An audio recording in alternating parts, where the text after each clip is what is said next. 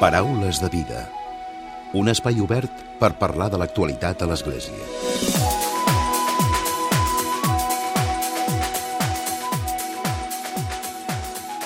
Què tal? Salutacions i molt bon dia, molt bon diumenge. Avui al Paraules de Vida us volem parlar de l'últim informe que ha presentat Càritas Diocesana de Barcelona que té per títol Fronteres invisibles, com la irregularitat administrativa t'estronca el projecte vital.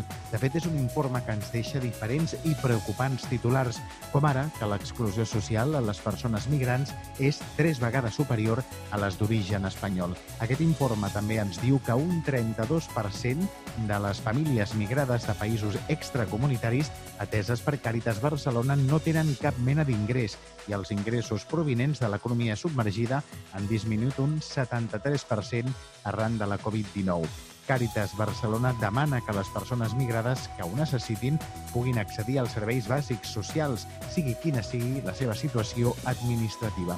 Avui en parlem, reflexionem i ho fem en conversa. Ens acompanya avui al programa l'Elisabet Orenya. Ella és cap del programa de migració de Càritas Barcelona.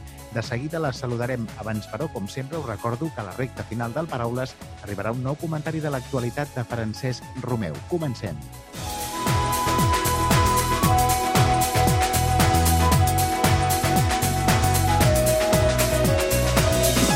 Paraules de vida, amb Emili Pacheco. Elisabet, bon dia i benvinguda al Paraules de vida. Bon dia, gràcies per convidar-me. Recentment, des de Càritas heu presentat aquest informe que té per títol Fronteres invisibles, com la irregularitat administrativa t'estronca el projecte vital. Parleu, mm -hmm. sobretot, no? centreu els vostres esforços en parlar de els efectes d'aquesta pandèmia de la Covid-19, sobretot en la població migrada. Sí, bueno, és, és un reflex global, no? Eh, és a dir, és un informe que ja havia de sortir pel mes de pel mes d'abril, el que passa que es va aturar amb la situació actual i el que sí que hem fet no, doncs és eh, recollir totes les constatacions que com, que com a entitat hem tingut durant la pandèmia i llavors afegir-ho. No? En tot cas, la pandèmia el que ha fet és, a, és venir doncs, a, encara visibilitzar més les dificultats no, de les persones en situació administrativa irregular i, i, i el plus de vulnerabilitat que té aquesta situació. En tot cas, el subtítol no, d'aquest informe, com la irregularitat administrativa t'estronca el projecte vital, ja diu molt de sí. Mm. No? Si parleu sobretot de, del tema de la burocràcia, de l'administració, de la, del que és eh, uh -huh. els temes administratius i com això pot fer que la, les persones no tinguin accés a drets tan bàsics, no? Exacte. L'informe es va realitzar arrel de, de grups d'opinió i arrel d'això doncs, vam treure les conclusions que, que bueno, doncs ja venien a ser amb les que nosaltres veiem en el nostre dia a dia. No? Llavors, l'informe del que parlem precisament és això, tant de les fronteres més materials, no? de, de, de les físiques, el com, com poden sortir o les dificultats per sortir d'aquestes persones des dels països d'origen quan tenen aquesta necessitat de i posteriorment totes les fronteres que es van trobant una vegada ja arriben a Espanya, estan en situació administrativa irregular i les dificultats per accedir a aquesta regularitat d'aquestes persones adultes, després dels seus familiars, ens centrem també en el tema dels menors, etc. No? Parlem precisament de la metodologia, com, com explicaves. No? Eren sis grups de, de discussió on hi han participat, crec que una cinquantena llarga de persones. Correcte, correcte. Eren persones ateses des de Càritas eh, doncs vam demanar recolzament als companys que treballen, treballadors socials en, en territori i llavors eh, doncs buscaven una mica de grups una mica homogenis no? Pa, que ens parlessin de les diferents situacions, doncs persones en situació administrativa irregular, persones que havien estat regulars i havien perdut la regularitat, a sol·licitants de protecció internacional que, que estaven encara en tràmit o que alguns havien perdut i ja se'ls havia denegat aquesta situació. No? I una mica doncs, ens vam fer aquestes trobades amb aquests grups de persones i, i els vam deixar parlar, no? guiats una mica per, per preguntes doncs, això, doncs, com es plantejaven la regularitat, quines dificultats s'havien trobat al, en arribar, etc. I arrel d'això doncs, vam extreure les conclusions de l'informe. Quines són les, o quins tipus d'irregularitats hi ha? Doncs mira, en trobàvem diferents. El primer era, era al principi de tot de, del projecte migratori, no? de la sortida del com les persones eh, realment davant la normativa que tenim és molt complexa el que puguin accedir a una entrada regular, no? és a dir, a poder sortir en un país de la Unió Europea ja amb l'autorització de residència a, a sota del braç, no? a, perquè està condicionat doncs, a obtenir un contracte de feina amb unes determinades característiques no? eh, o a disposar de mitjans econòmics en un elevat volum. No? Llavors, tenint en compte la situació actual, la, les necessitats que hi han de, de migració moltes vegades com a conseqüència de situacions econòmiques molt greus o com a eh, conseqüència de la violència que hi ha als països d'origen, doncs és molt difícil poder acomplir aquest primer objectiu. No? I una vegada doncs, es troben a Espanya, totes aquestes dificultats que hi han primer per regularitzar-se. No?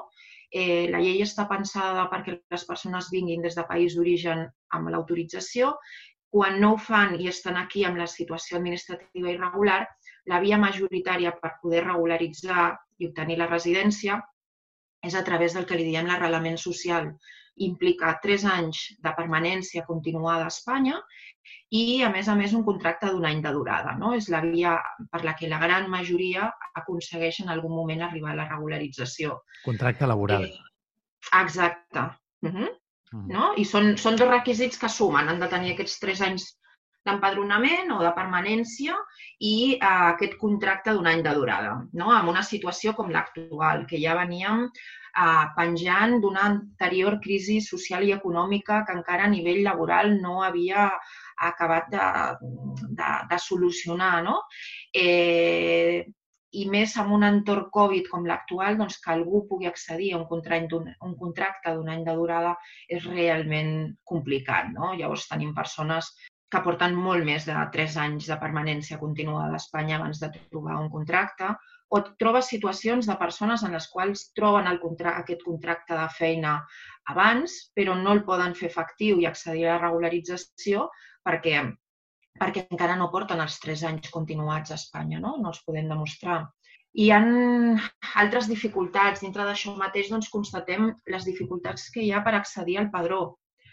El padró, que en principi doncs, és pensat com una eina simplement estadística, no? perquè totes les persones eh, que viuen en un municipi queden reflexades dintre d'aquest padró, moltes vegades és un obstacle que no s'acaba de complir la normativa tal i com està, com està posada i que els ajuntaments dificulten aquest accés del padró. No? Eh, sent vital per tothom en general i més encara per persones que estan en aquestes circumstàncies. No? Detectàvem també situacions que afecten greument els, els menors d'edat, no? tant els que venen acompanyats dels pares i mares, que és la, la figura que parlem del reagrupament familiar, que és cert que en els darrers mesos eh, s'ha fet un esforç eh, legislatiu per, per tal de flexibilitzar determinats criteris d'accés a regularització i un d'aquests és el tema de l'accés a la regularitat dels menors, però encara hi ha un element eh, que requereix d'una reforma normativa i que és el fet de tenir eh, una vivenda amb unes determinades condicions. No? i que encara doncs, deixa, deixa molts menors sense poder regularitzar la situació perquè estem en un moment en el que tot el tema de vivenda, com tots sabem, doncs és, és molt complexa no? i moltes vegades persones que estem atenent doncs, eh, viuen en situacions de relloguer compartint doncs, pisos amb, amb altres famílies. I amb infància, no? Amb infància. Exacte i llavors doncs, difícilment podran uh, tenir aquest, uh, podran a, assolir aquest requisit de la vivenda. No? Uh -huh. I també ens preocupa en relació amb els menors tota la situació que estem veient no? amb el darrer any, sobretot any i mig, tot el tema dels uh, menors o joves eh, que arriben a Espanya sense un referent, no? que venen sense, sense pare i sense mare, que estan sols a, aquí eh, que d'entrada han de ser tutelats per les nostres administracions, però que tenim un greu problema quan arriben als, als 18 anys, no? perquè la normativa només contempla que se'ls doni una autorització de residència, que els hi permet treballar mentre no arribin als 18 anys, però que en el moment d'arribar als 18 anys, eh, si no han pogut modificar la seva autorització a una autorització de treball, i per això necessiten un contracte també d'un any de durada, doncs es queden uns joves que, que es quedaran sense la protecció de l'administració, només amb una autorització de residència, que difícilment podran renovar, no? al no tenir mitjans, mitjans econòmics. Uh -huh. Davant de Llavors, tot... doncs, No, et deia, Elisabet, davant de tot aquest panorama, mm, quina és la crida que feu a les administracions? Que es flexibilitzi una mica tot el que són criteris administratius o, o quina és la, la crida que feu? Sí, pensem que, pensem que cal, cal flexibilitzar, no? cal flexibilitzar determinats requisits. En el cas de, dels adults, cal flexibilitzar els criteris d'accés a la regularitat una vegada la persona estigui, estigui a Espanya, sobretot en un moment com l'actual. Estem en una situació realment excepcional i, i, hi han d'haver mesures també excepcionals, no? Tenim les, les, fronteres, les fronteres pràcticament tancades des de fa mesos. La gran majoria de persones en situació administrativa irregular arriben pels aeroports, no arriben per la frontera sud, no?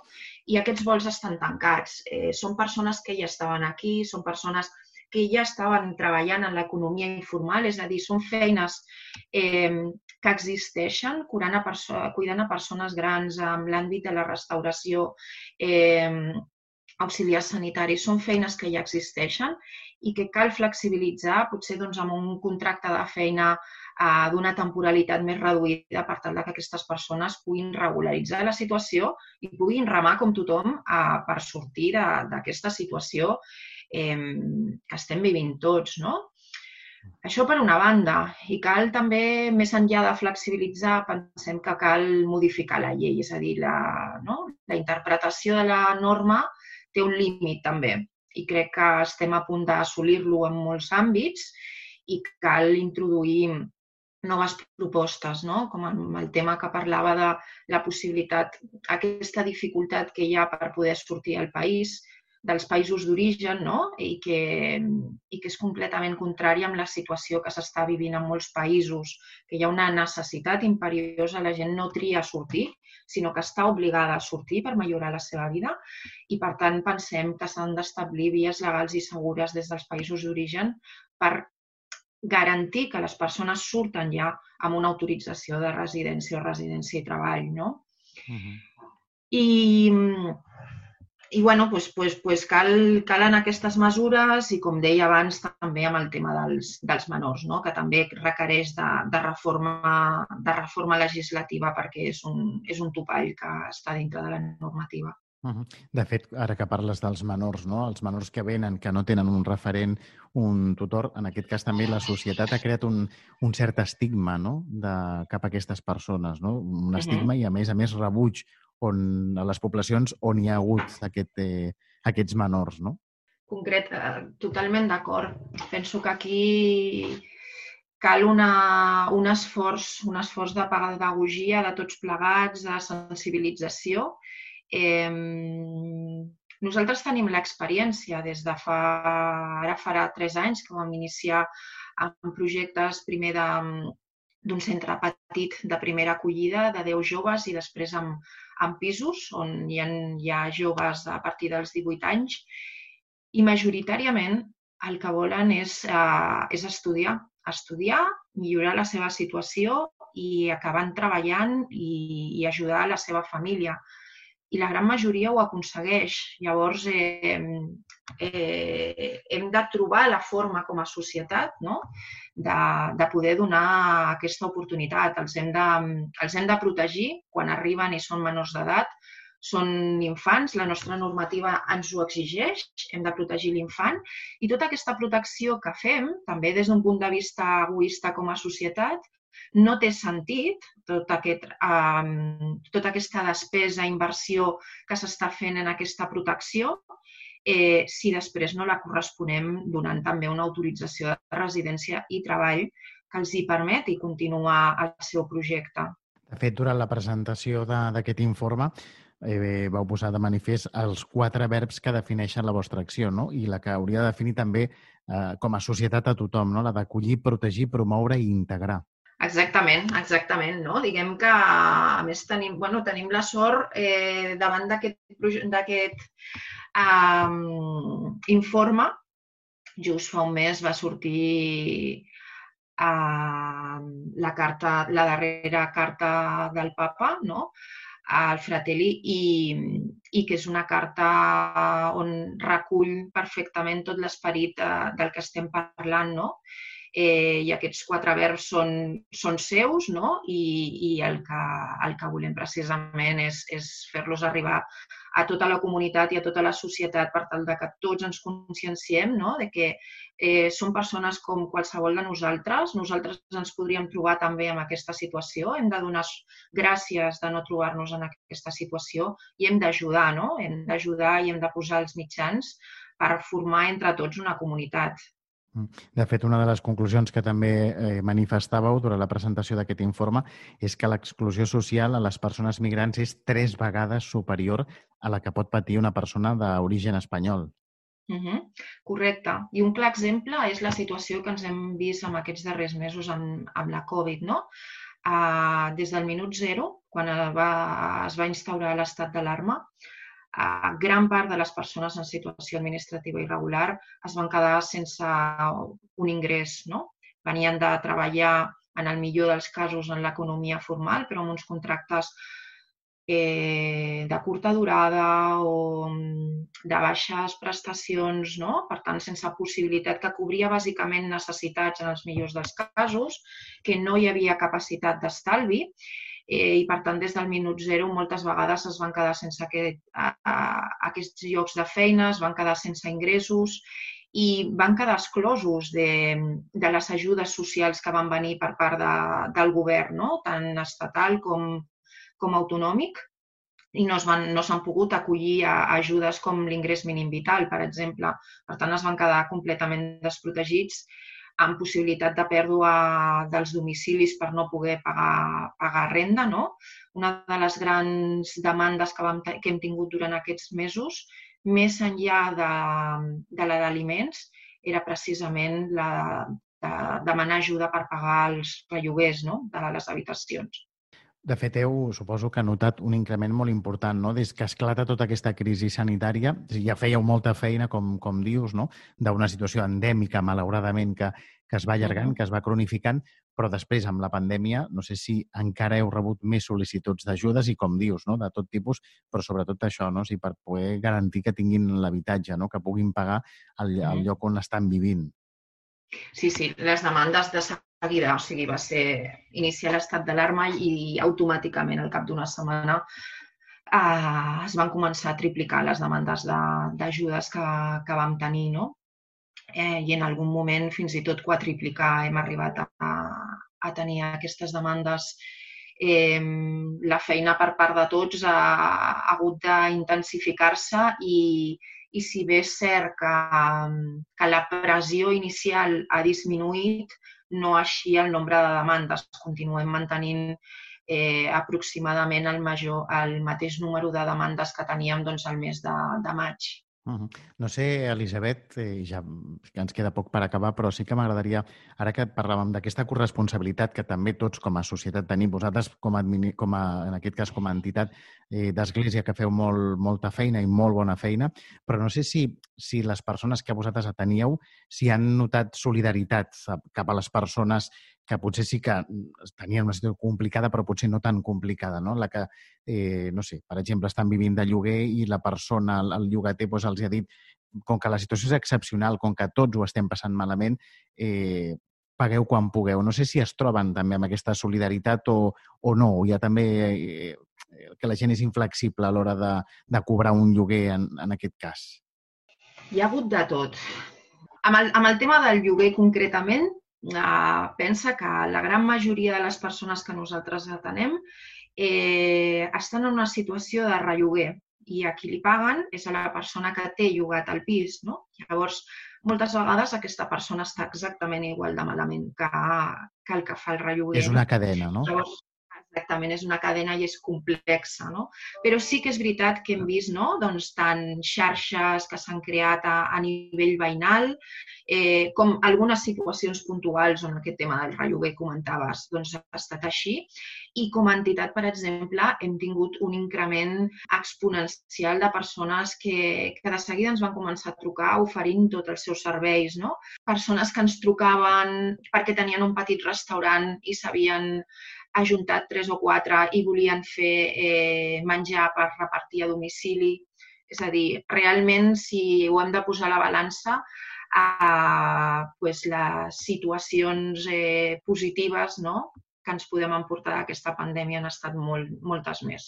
És a dir, que hi ha hagut també moltes històries de solidaritat, no? Uh, sí, Moltíssimes, sí. Uh -huh. Elisabet, doncs gràcies per haver-nos acompanyat avui al Paraules de Vida per explicar-nos també aquest informe Fronteres Invisibles, com la irregularitat administrativa t'estronca el projecte vital. Gràcies. Gràcies a tu. Paraules de Vida, amb Emili Pacheco. I tot seguit, com sempre, acabem el programa amb el comentari de l'actualitat de Francesc Romeu. Francesc, molt bon dia. Molt bon dia a tothom. Segons informava aquesta setmana el butlletí de l'Oficina de Premsa de la Santa Seu, el Dicasteri pel Servei al Desenvolupament Humà Integral ha posat en línia una nova pàgina web dedicada a la última encíclica del papa francès, la titulada Fratelli Tutti, Germans Tots. Aquest projecte, creat amb la col·laboració del Dicasteri per la Comunicació, té com a objectiu difondre el missatge de fraternitat i amistat social d'aquesta encíclica d'una manera capilar, tot aprofundint i donant a conèixer tots els aspectes propis del text i del magisteri del papa en aquest sentit. Segons he pogut veure, es tracta d'una pàgina molt intuïtiva i de fàcil consulta, que ha estat desenvolupada en tres idiomes, espanyol, anglès i italià, però que conté, a més, nombrosos recursos en molts altres idiomes, com francès, alemany, portuguès, polonès, àrab o xinès. La pàgina i el seu menú principal aboca en els seus colors l'edició en paper de la mateixa encíclica i les seves seccions principals s'actualitzen constantment. D'entrada ja hi ha tota una sèrie de calaixets per respondre a les preguntes sobre en què es basa, què proposa, a qui es dirigeix, com està organitzada, d'on li ve el títol, i acaba amb l'oració cristiana ecumènica del final de l'encíclica. Pel que fa a les pestanyes de les seves seccions, en trobem amb una primera titulada Fratelli Tutti, que serveix d'introducció general. La segona pestanya es titula l'encíclica i és on podem descarregar el text en, en diversos idiomes disponibles i el vídeo i les intervencions de la conferència de presentació que es va fer el passat 4 d'octubre a la nova aula del sínode de la ciutat del Vaticà. La tercera pestanya que es titula Reflexions inclou els comentaris i les anàlisis dels superiors del Departament per al Servei del Desenvolupament Humà Integral, representants de les esglésies locals, organitzacions internacionals, xarxes, entitats religioses i no religioses, així com experts internacionals. La quarta pestanya es titula Notícies i és on es presenten els articles periodístics, vídeos i entrevistes relacionades amb l'encíclica. Finalment, la cinquena pestanya, titulada Recursos, és on s'inclouen una sèries completes d'infografies que són un molt bon resum i que realment us recomano, així com altres materials per l'estudi i la reflexió en profunditat de l'encíclica. Dintre d'aquests textos hi ha, per exemple, l'oració al Creador, que el papa va compondre expressament per aquesta encíclica. A la secció de recursos S'inclouen també imatges animades i estàtiques que ajuden a promocionar aquesta pàgina web en les xarxes socials. I, a més, a cada pàgina s'inclou també l'enllaç al canal social de Twitter per compartir directament les seccions d'interès. A la secció Notícies s'ha inclòs també, adaptada al disseny de la pàgina web, una nova finestra per poder llegir directament les últimes notícies i articles de l'Oficina de Premsa del Vaticà i del seu butlletí informatiu, el Vatican News, relacionats amb aquest important document papal. Em consta que actualment estan treballant en l'ampliació dels idiomes en què estarà disponible els diversos continguts, així com l'actualització constant dels continguts oferts, les infografies i els vídeos de presentació de l'encíclica, que també es poden veure a través del canal de YouTube del Dicasteri a la llista de reproduccions Fratelli Tutti. Cal destacar així mateix que es crearà un espai nou titulat Iniciatives, amb els textos i les contribucions que rebin de les esglésies locals, organitzacions, associacions i comunitats religioses i no religioses destinades a posar en pràctica el missatge i el contingut de l'encíclica Fratelli Tutti. Perdoneu-me l'atreviment, però no estaria gens malament de demanar-los als bisbes catalans que també facilitessin la possibilitat de tenir-hi el nostre text en català, així com també tots els materials que ja s'han preparat sobre l'encíclica i totes les activitats que es realitzen. Penso que el català també hi hauria d'estar present a la Santa Seu. Per acabar, també em vull referir a una iniciativa que s'ha creat entre nosaltres i de la qual informava aquesta setmana la publicació Religió Digital. Es tracta d'una plataforma digital creada arrel de la pandèmia per l'Observatori Blanquerna de Comunicació, Religió i Cultura, on es recull en una mateixa pàgina web les diferents iniciatives digitals de les diverses comunitats religioses de tot el món. Es titula Religion Goes Online. Molt bon diumenge a tothom. Paraules de vida. Segueix-nos a Facebook i Twitter. Arroba Paraules de vida.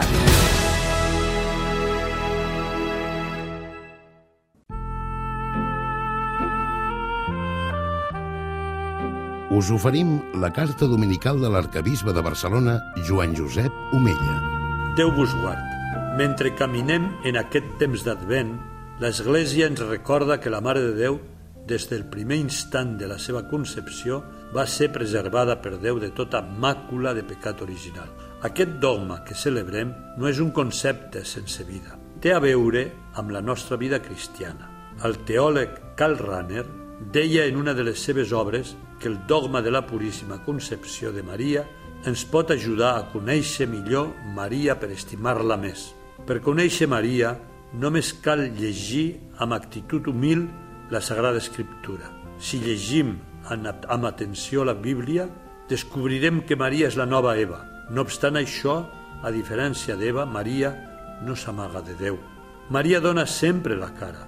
Tampoc s'amaga de nosaltres, ja que és capaç d'acollir en les seves entranyes i donar-nos Jesús, el Déu amb nosaltres. L'Evangeli ens diu que quan Déu, per mitjà de l'àngel Gabriel, visita Maria, Maria té por.